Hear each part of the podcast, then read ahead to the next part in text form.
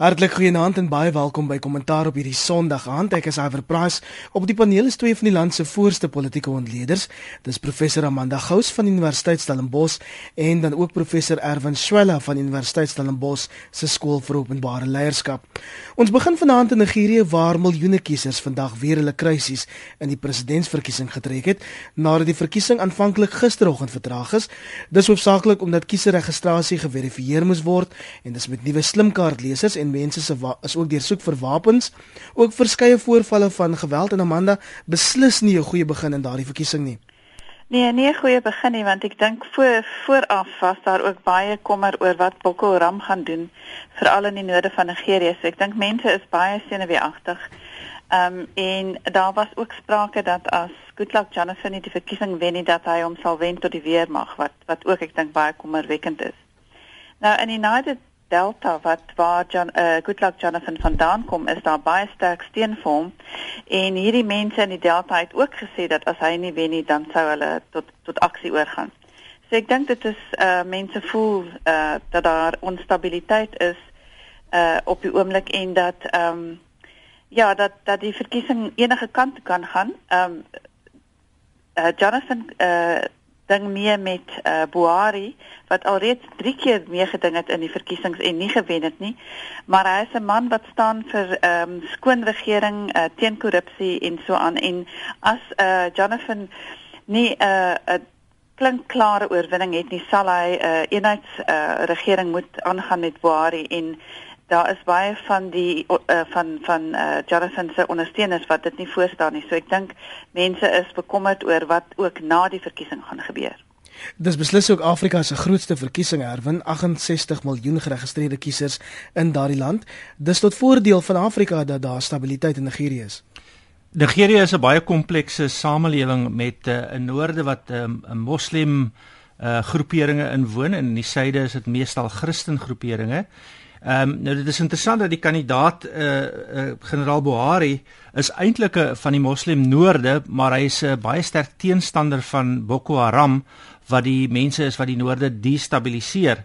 So dit uh, maak dit 'n interessante verkiesing en natuurlik is dit ook so dat dit is nog steeds 'n demokratiese verkiesing. Dis 'n komplekse verkiesing met 'n klomp kwessies uh behalwe vir die ernstige verdeeldheid plus die potensiële geweld is dit ook 'n moeilike verkiesing om te administreer in die sin dat dit is soos jy reeds gesê het 'n groot hoeveelheid kiesers versprei oor 'n baie groot land.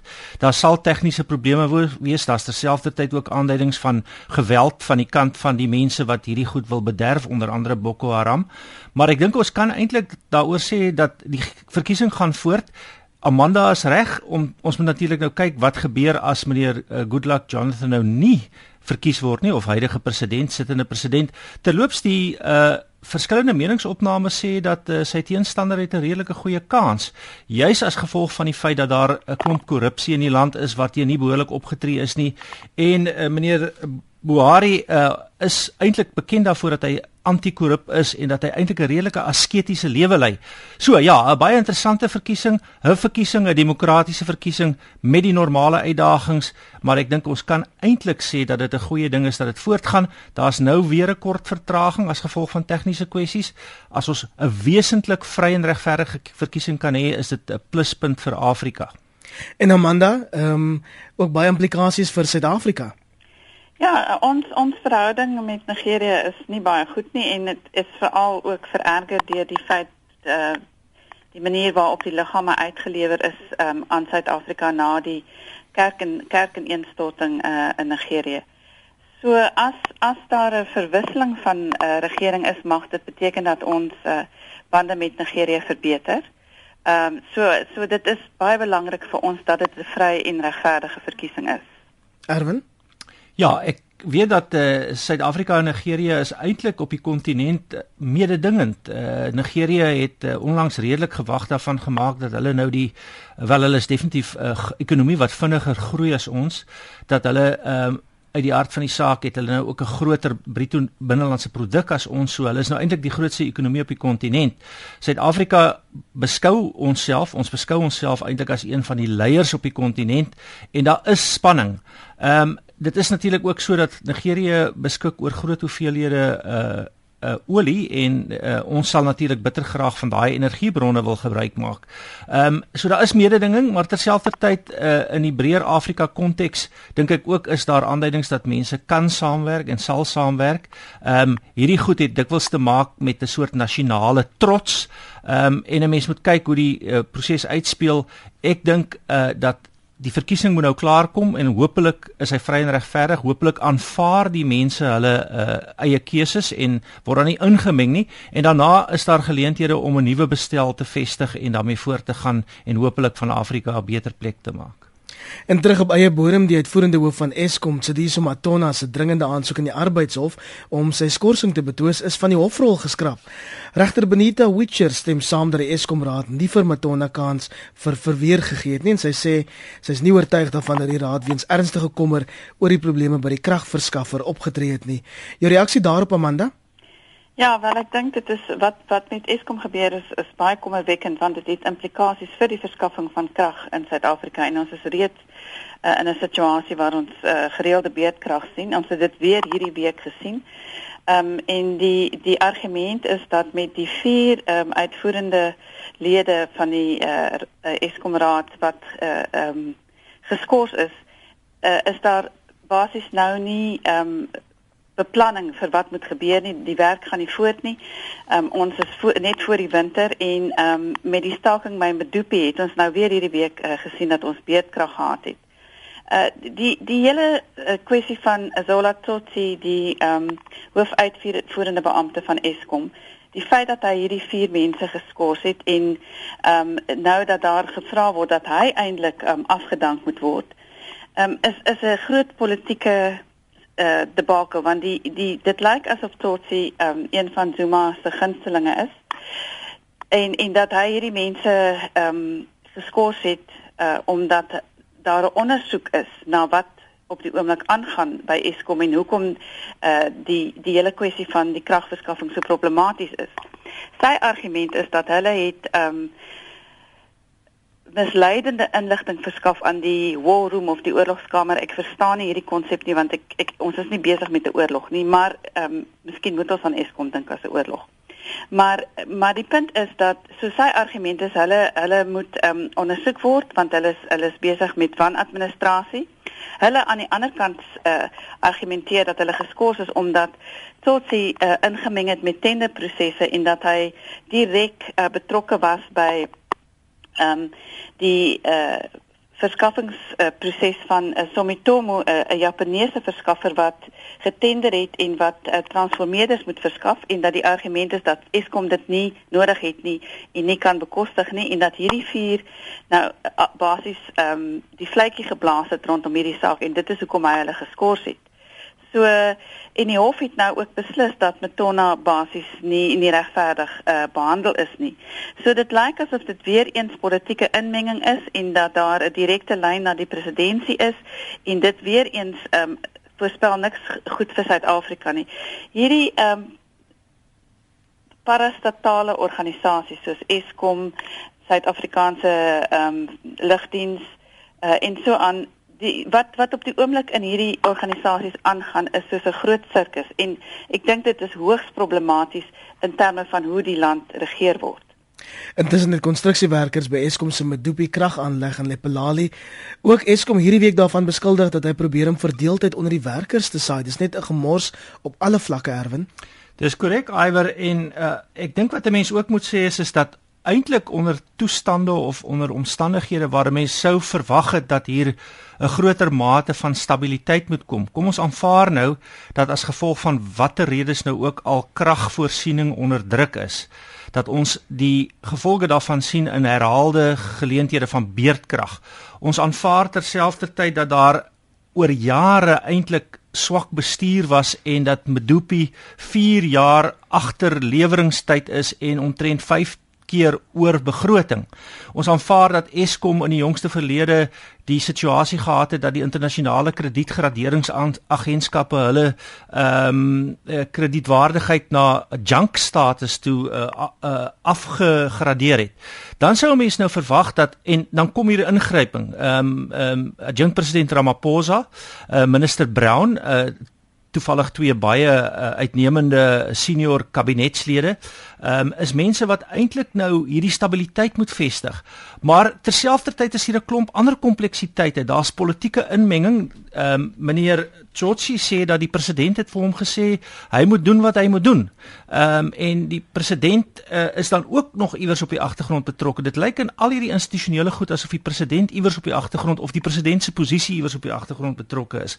Mense sou nou verwag het dat 'n mens die spel stadiger moet maak, dat jy in 'n sekere sin selfs onder toestande van groot krisis dit rustiger moet maak dat jy in 'n sekere sin stabiliteit moet kry. Maar nou het jy al hierdie ander dilemma's wat vorendag kom. So die implikasie is dat as jy die ding wil omdraai het jy hierdie stabiliteit nodig maar jy het groter onstabiliteit.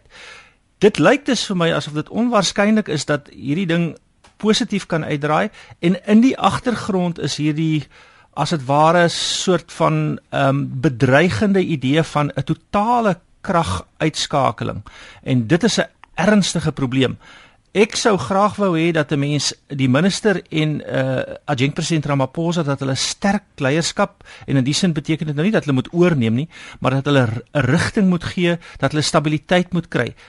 Een ander kompliserende faktor is Eskom is natuurlik soos Amanda gesê het 'n 'n 'n parastatale organisasie maar het ook registrasie of funksioneer onder die maatskappywet. So daar's baie sterk reëls teen politieke inmenging, maar die interessante ding is is die reëls teen politieke inmenging verhoed nie politieke inmenging nie. Dit verhoed eintlik behoorlike optrede.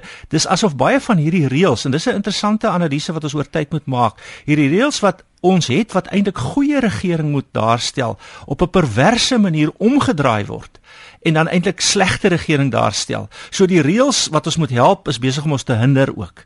Baie interessante goed wat daar aan die gang is in die dinamika boonbehalwe die gewone strukturele en die beleidsdimensies. Amanda? Ja, ek stem saam met Erwin. Ek dink die wetgewing is is so opgestel dat dit basies inmenging moet verhoed, maar dit verhoed ook dan dat die regering kan ehm um, intree wanneer dit nodig is en ek dink dit is 'n dis 'n baie groot probleem. Die ander probleem nou ook met die ehm um, staking by Medupi is dat ehm um, daar nie onderhoud gedoen word aan aan uh, kragstasies nie en as dit nie baie vinnig gedoen word nie, ehm um, dan gaan ons in die winter 'n vreeslike probleem hê met ehm um, kragonderbrekings en en gaan ons weer breed beedkrag uh te te beed staan. So ek dink dat ehm um, daar werklik iets gedoen moet word om stabiliteit in in Eskom te bring en ek dink die vraag wat 'n mens moet vra is elke nou en dan moet rade vervang word, mense word afgedank, hulle word vervang met ander mense. Hoekom is dit die geval dat dat daar nie dat hierdie aanstellings nie op so 'n manier geskied dat ons weet dat dat mense bevoeg is om hierdie werk te doen en dat hulle basies ehm um, onpartydig is. Met ander woorde dat dit nie partypolitiek is wat intree in in hierdie rade nie. En ek dink 'n mens moet werklik die vraag vra. As die president soos Erwin gesê die hele tyd aan die agtergrond is, wat is die president se agenda? Moet ons nou maar aanvaar dat hy oral inmeng ter wille van homself? Ehm um, en ek dink dit is die groot probleem is dat daar nie onpartydigheid is wanneer mense aangestel word en dat hulle hulle faksiegevegte verder voer binne in hierdie rade. So goed, die pad vorentoe herwin. Ja, bykomend daartoe is natuurlik ook so dat jy stel soms mense aan wat uh ondanks die feit dat jy gedink het dat hulle lojaal is, uh, optree op wyse wat nie heeltemal so lojaal is as wat jy gedink het nie. Die pad vorentoe behoort te wees dat ehm um, ondanks die maatskappywet wat bet betrekking het, moet uh, meneer Ramaphosa en uh, minister Brown wat ek dink twee bekwame mense is, moet hulle regtig hierdie ding bymekaar vat. Hulle moet weerstand begin bied teen alle forme van inmenging. Hulle sal op een of ander manier 'n interim bestuur of bestuurstruktuur moet in plek sit. Dis 'n relatief tegnokratiese oplossing wat gevind moet word. Hulle sal moet 'n brandmuur bou teen politieke inmenging. Ehm um, een van die gerugte wat hier rondloop is dat hierdie politieke inmenging kom omdat mense as gevolg van die tenderproses geweldig bevoordeel word en dat eintlik 3 4voudige pryse gevra word vir goedere wat gelewer word omdat dit mense is wat uh, 'n uh, bepaalde voordeel uit hulle politieke verbintenisse kry. So solank as jy hierdie soort van goed het, het jy 'n perverse situasie. Ek sê nou soms En dan behalwe vir dit het Eskom die probleem, hy kan nie krag lewer nie, maar hy het 'n perverse insentief om sy belang om nie krag te lewer nie te beskerm. Dit is eintlik 'n soort surrealistiese situasie en Die pad vorentoe is as iemand sal en ek is nie 'n voorstander van sterk leierskap wat sterk autokratiese leierskap is nie, maar iemand sal moet begin om hier stabiliteit te bring, orde te skep, die spel stadiger te maak, 'n soort uh ehm um, deurlopendheid te kry en 'n volhoubaarheid te kry. Anders se dink ek het ons nog veel groter probleme in die toekoms. Maar wag nou, nog 'n tussentydse bestuur, die bestuur verander dan die heeltyd, Amanda. Ja, wel ek dink dit is dit dit het implikasies vir die institusionele geheue, nê? Dat dat mense weet hoe goed gedoen word, hoe prosesse werk en so aan. So as jy die hele tyd mense verander, verloor jy daai institusionele geheue en dit wys baie duidelik uit die feit dat ons hierdie gereelde krag um, onder onderbrekings het. Ehm um, maar ek dink Erwin is reg, daar moet stabiliteit geskep word.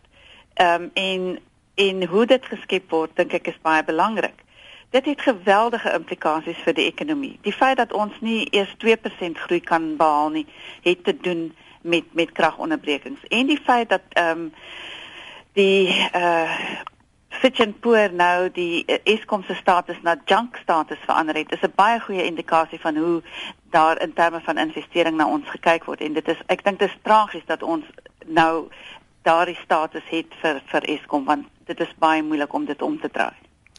En ander nuus die DA die hoof van die nasionale vervolgingsgesag Mkolisi Nkosana geloof omdat hy standpunt ingeneem het teen sy adjunk Nongobo Jiba en die polisiekommissaris Riapieга die DA parlementslid Klinus Breitenberg sê Nkosana se gedrag was deur die hele debakel prysenswaardig en die aanklagte teen Jiba hou verband met die mislukte aanklagte van moord en afpersing wat sy teen die KwaZulu-Natal se valkehoof Johan Boysen ingedien het. En Amanda jy waarsku al maande en nie jare lank oor hierdie probleem Jiba? Ja, ek het al ehm um, gesê in die verlede rondom die Glennis Breitenberg saak dat Jiba die instrumenteel was om daardie hele saak um, te fasiliteer en om uh, uh Glennis Breitenberg se naam swart te smeer. En ons sien nou hierdie sy klagtes gelê teen Johan Boysen van moord en en allerlei ernstige klagtes. Ehm um, en die die ander mense wat ehm um, ondersoek word is Sibia in Gauteng, ehm um, en nou McBride van van Oopot, ehm um, en Simon Madonsela, almal re relatief hoog in die valke, behalwe McBride wat nou die hoof van van die uh, onafhanklike ondersoekdirektoraat is. Ehm um, wat wys dat daar een of ander politieke agenda is en wat so interessant is is dat sy nou verdwyn het. Uh toe die ehm um, arrestasie bet, uh beteken moes word die dagvaarding ging beteken moes word op haar was sy nie by haar huis nie. Daar's na haar werkplek gegaan en uh, sy was ook nie daar nie. En dit is toe uh, in Kasana betrokke geraak het. Uh, uh, sy argument is hy wou nie betrokke raak in hierdie drama nie maar hulle het vir hom gevra waar is Jiba? En hy het nie geweet waar Jiba is nie. En toe het hy vir Ria Piega gebel wat wat ehm um, basies sy kop vir hom gewas het um, en die twee van hulle is nou uh basies uh in 'n argument betrokke oor wat was die regte prosedure. Uh Piega sê sy daar moes nooit 'n dagvaardiging bekend geword het nie want die die saak word nog ondersoek.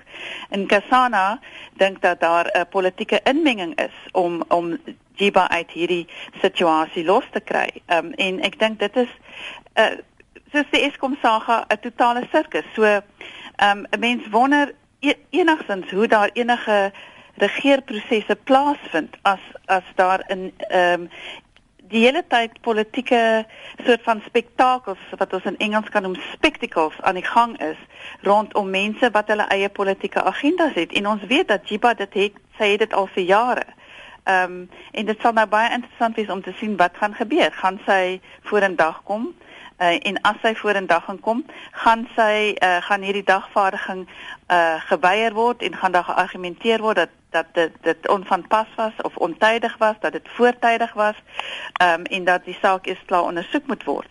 Maar ek dink dit was baie braaf van jo Johan Boysen om hierdie saak teenoor te maak want ehm um, tot dusver dink ek was mense eenvoudig net te bang om om uh, op te staan teenoor en heelwat lof vir die hoof van die nasionale vervolgingsgesag van Kolisi en Krasana dan in hierdie geval. Ja, dit is ook interessant om na sy geskiedenis te gaan kyk. Miskien voor ek daarby uitkom net om te sê dat 'n mens moet natuurlik nou ook gaan kyk na die na die vergelykbarehede hier. Wat ons in Eskom sien, sien ons op 'n manier net herhaal en weer bevestig in die nasionale vervolgingsgesag in en in die uh die valke en in die uh onafhanklike ondersoekdirektoraat.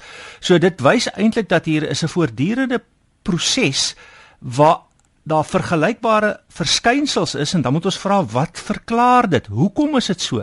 As dit nou toevallig by Eskom gebeur het, maar skielik sien ons dat dit ook gebeur binne hierdie uh sogenaamde uh um justice cluster.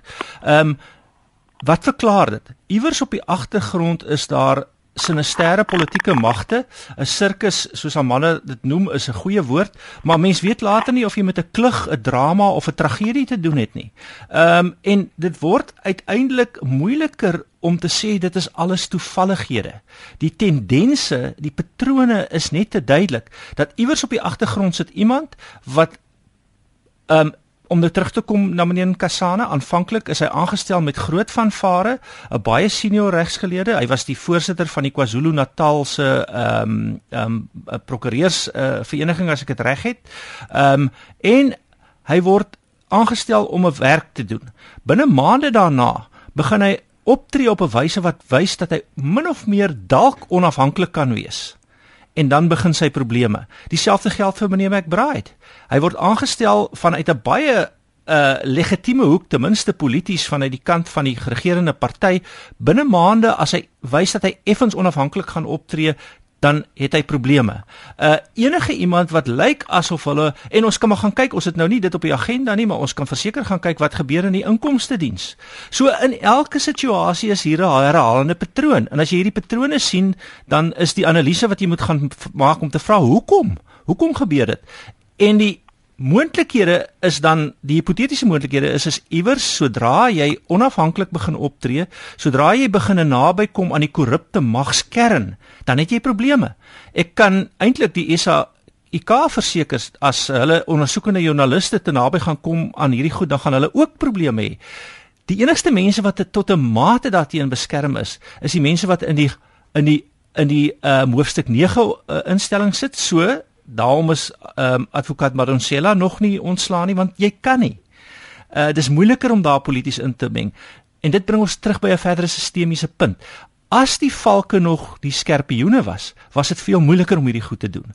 Maar dis ook so dat behalwe om die individue aan te spreek, is hier 'n sistematiese aanval op die instellings. So as die instellings te onafhanklik is, moet jy hulle ook afhanklik kry. Hier is 'n interessante voortdurende proses van van van ehm um, perverse en toksiese politieke inmenging om een of ander rede en dit wil voorkom of dit te maak het met die beskerming van sterk magsspelers in in ons politieke stelsel. Amanda ook hierdie week het regter Elias Motojani die waarnemende hoof van die Valke binning Klemesa oneerlik genoem en gesê hy het geen integriteit of eerbaarheid nie. Ehm um, Klemesa het in die Hooggeregshof in Pretoria om verlof tot appel aansoek gedoen teen 'n vorige besluit waar bevind is dat die Gautengse hoof van die Valke Shadrack Sibia se skorsing onregmatig was en daai aansoek is van die hand gewys. Ja, en ek dink dieselfde geld hier vir vir die situasie rondom aan was dit 'n uh, dramat wat in Desember geskort is wat die die hoof van die valke was. Nou daar is nou in die koerant uh, gesê dat uh, hy is nou 3 miljoen rand aangebied um, en dan 60000 rand per maand vir die res van sy lewe as hy nou net basies nie weer uh, terugkom nie. Basies maar net uit die prentjie uit verdwyn. En en dit wys vir ons dat daar iets iets aan die aan aangaan. Ek meen uh Anwar Dramat is ook besig om ehm um, te argumenteer dat hy ehm um, onregmatig geskort is wat hy wel was. Dit het die hof ook uitgewys. Ehm um, en dat dat hy met politieke redes ehm um, geskort is en nou probeer hulle hom basies omkoop met hierdie ehm um, aanbod van baie geld om basies net uit die prentjie uit te verdwyn. So uh so daar is geweldige onstabiliteit wat gebring word um, in die valke en die vraag is ook soos Erwin nou gesê het, hoekom? Uh dit het baie goed gefunksioneer en ewe skielik word dit gedestabiliseer. So daar is magte wat wat hierdie instellings ondermyn en daar is definitief redes daarvoor en soos Erwin sê dit gaan oor die mag en wie die mag het en of of hierdie ondersoeke te na aan die kern van hierdie hierdie magtige mense kom. Dit is ook interessant Iwer uh, in aansluiting by Amanda. Kyk, dit lyk my dis omtrent 'n kwalifikasie om jou pos te behou as 'n regter jou oneerlik noem. As 'n regter jou eerlik noem, dan is dit min of meer 'n kwalifikasie om jou pos te verloor. Nou daar is mos dan iets iewers hier nie heeltemal in orde nie. Ehm um, as mense dan nou sagkens wil stel. So in die meeste gevalle generaal Booysen, uh eh, ehm um, die die die die die die die, die geskorste hoof van die valke, ehm um, al hierdie mense, uh generaal Dramat, hulle is die mense oor wie die howe en die versoeningsliggame in die arbeidsreg sê hulle doen die regte ding. Hulle word konsekwent gemarginaliseer en op een of ander manier uitgerangeer. Of jy hulle nou omkoop en of jy hulle nou skors, dis wat gebeur. Die mense van wie die die die die die die die die regter sê dat hulle oneerlik is, dat hulle oneties is, dat hulle geen integriteit het nie, hulle bly aan. Nou wat verklaar ek dink ons moet die program se naam hernoem na hoe verklaar jy dit? en ek dink as ons nou gaan kyk na waaroor gaan hierdie hele situasie met Anwar Dramat is oor die uitlewering van vier Zimbabweërs wat wat teruggestuur is na Zimbabwe. Nou ons het op 'n daaglikse basis ehm um, Zimbabweërs wat wat gedeporteer word op baie onmenslike en onregmatige maniere, maar daar daar dit is nie 'n probleem nie. Maar hierdie vier spesifieke vier Zimbabweërs. Wat was die situasie met hierdie vier Zimbabweërs? Hoekom is dit ewe skielik so belangrik dat hier 'n regmatige proses gevolg moes gewees het? En ek meen die argument is dat daar wel hierdie proses wel gevolg was en desnietensande is aan wat dramat oor hierdie saak geskort. En kan ek net byvoeg Amanda, uh uh, uh, uh advokaat Jiba um, maak uh, na alle aanduidings en dit is die prima facie getuienis is nog nie nou hof getoets nie, maar sy maak valse eetverklaringe. Sy uh loods uh teenoor generaal Boysen en dit word in 'n hof beslis uh is 'n soort kwadwillige um ondersoek en nie net dit nie 'n aanklag. En nou probeer ons op haar dagvaarding beteken. Wat gebeur? Nee, die die polisie-generaal generaal Viega meng daarmee in, maar sy meng nie in om generaal Dramat op een of ander manier te help nie. So wat sit hier agter? Hoe verklaar jy dit? As jy dalk laat bent ingeskakel het jy luister na 'n kommentaar op RSG of Erwin sê hoe verklaar jy dit? In ander nuus die metaalwerkers en die Nomsa daarop gesin speel dat dit dalk tyd is vir die vakbond Federasie Kosatu se hoofsekretaris, Swelin Zima Wawi om dit te oorweeg om uit die federasie te bedank. Daar word wyd verwag dat Wawi môre reeds deur Kosatu se sentrale uitvoerende komitee geskort sal word, waar hy dan ook 'n perskonferensie vir later vandag, ehm um, of dan nou vroeër vandag uitgeroep teen hierdie tyd, die tyd hy program opgeneem is, het waar hy nog nie bedank nie, maar manne daar's 'n goeie kans dat hy teen vanaand wanneer hierdie program op die lig is, reeds sou bedank het. Ja, ek dink hy is in 'n baie moeilike posisie want hy het nou 3 vergaderings van die sentrale uitvoerende komitee nie bygewoon nie en hy het ook nie gepraat met die ondersoekbeampte wat die saak van die uh, aankoop van Kusatu huis of die verkoop van Kusatu huis ehm um, ondersoek nie. Uh met ander woorde hy hy speel nie bal op die oomblik nie en ehm um, sy argument is dat ehm um, hy gaan nie uh betrokke raak totdat uh terwyl daar om 'n uh, groot klomp van die unies um, in Kusatu nie terug is in die uh in fold nie en en dat hy um eenvoudig nie bereid is om uh te maak asof hierdie goed um aanvaarbaar is terwyl hy in sy hart voel dat dit uh, dit is nie vir hom aanvaarbaar hoe Kusatu op die oomblik optree nie.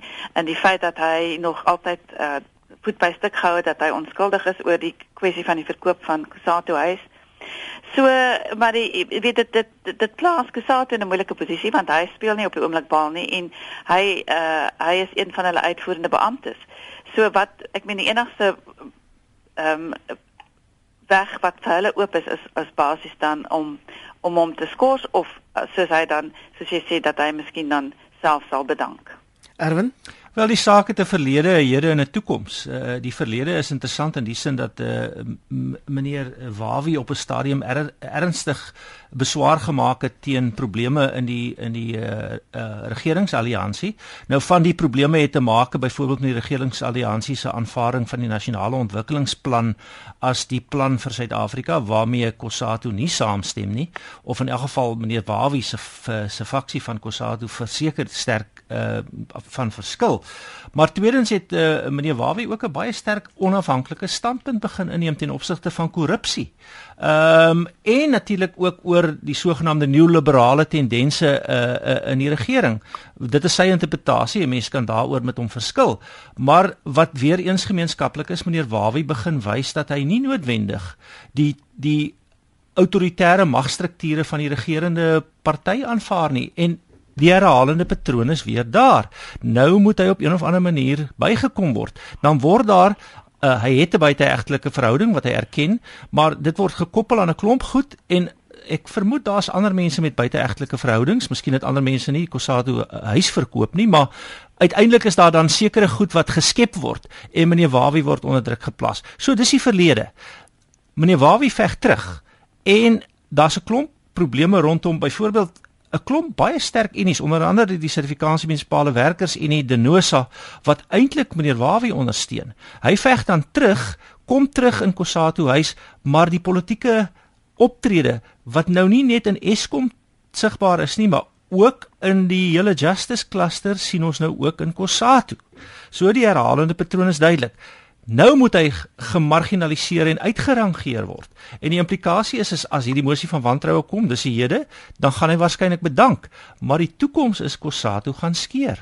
So die ironie is met al hierdie goed waar jy die krake toeverf, is jy besig om die strukturele skade te verdoesel en dit het sterker of minder sterk implikasies vir instellings en vir die land en die ekonomie ons sal moet gaan kyk na 'n fundamentele herbesinning oor hoe ons hierdie land se instellings hanteer en hoe ons die leierskap van hierdie land inklee om hierdie instellings stabiel, eties en effektief te maak.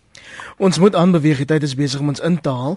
Die Raad van die Universiteit van Kaapstad sal na verwagting vroeg aanstaande maand te voorstel deur die Senaat bekragtig dat die standbeeld van Cecil John Rhodes van die kampus verwyder word. Die Senaat het hierdie week oorweldigend gestem ten gunste van die verwydering van die standbeeld. Amanda Ja, ek dink dit is uh, hier in die Kaap was dit 'n baie spanningsvolle week gewees van die die hele kwessie rondom die Rhodes standbeeld het uitgekring ook na ehm um, Rhodes Universiteit in Graamsstad uh waar die studente nou vra dat die naam verander word. Daar is 'n uh, beelde beskadig uh, by die Universiteit van KwaZulu-Natal. So uh en die studente maak die punt dat dit 'n uh, die begin is van 'n van 'n revolusie rondom transformasie in Suid-Afrika.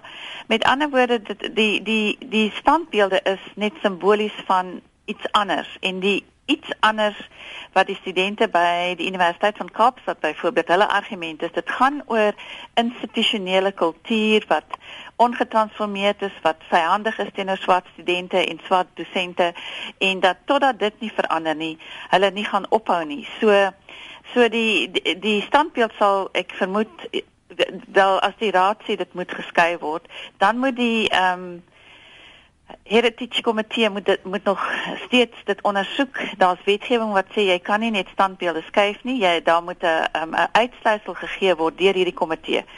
So dit sal 'n tyd vat, maar ek dink die die stof gaan nie gaan lê rondom die hele kwessie van transformasie nie.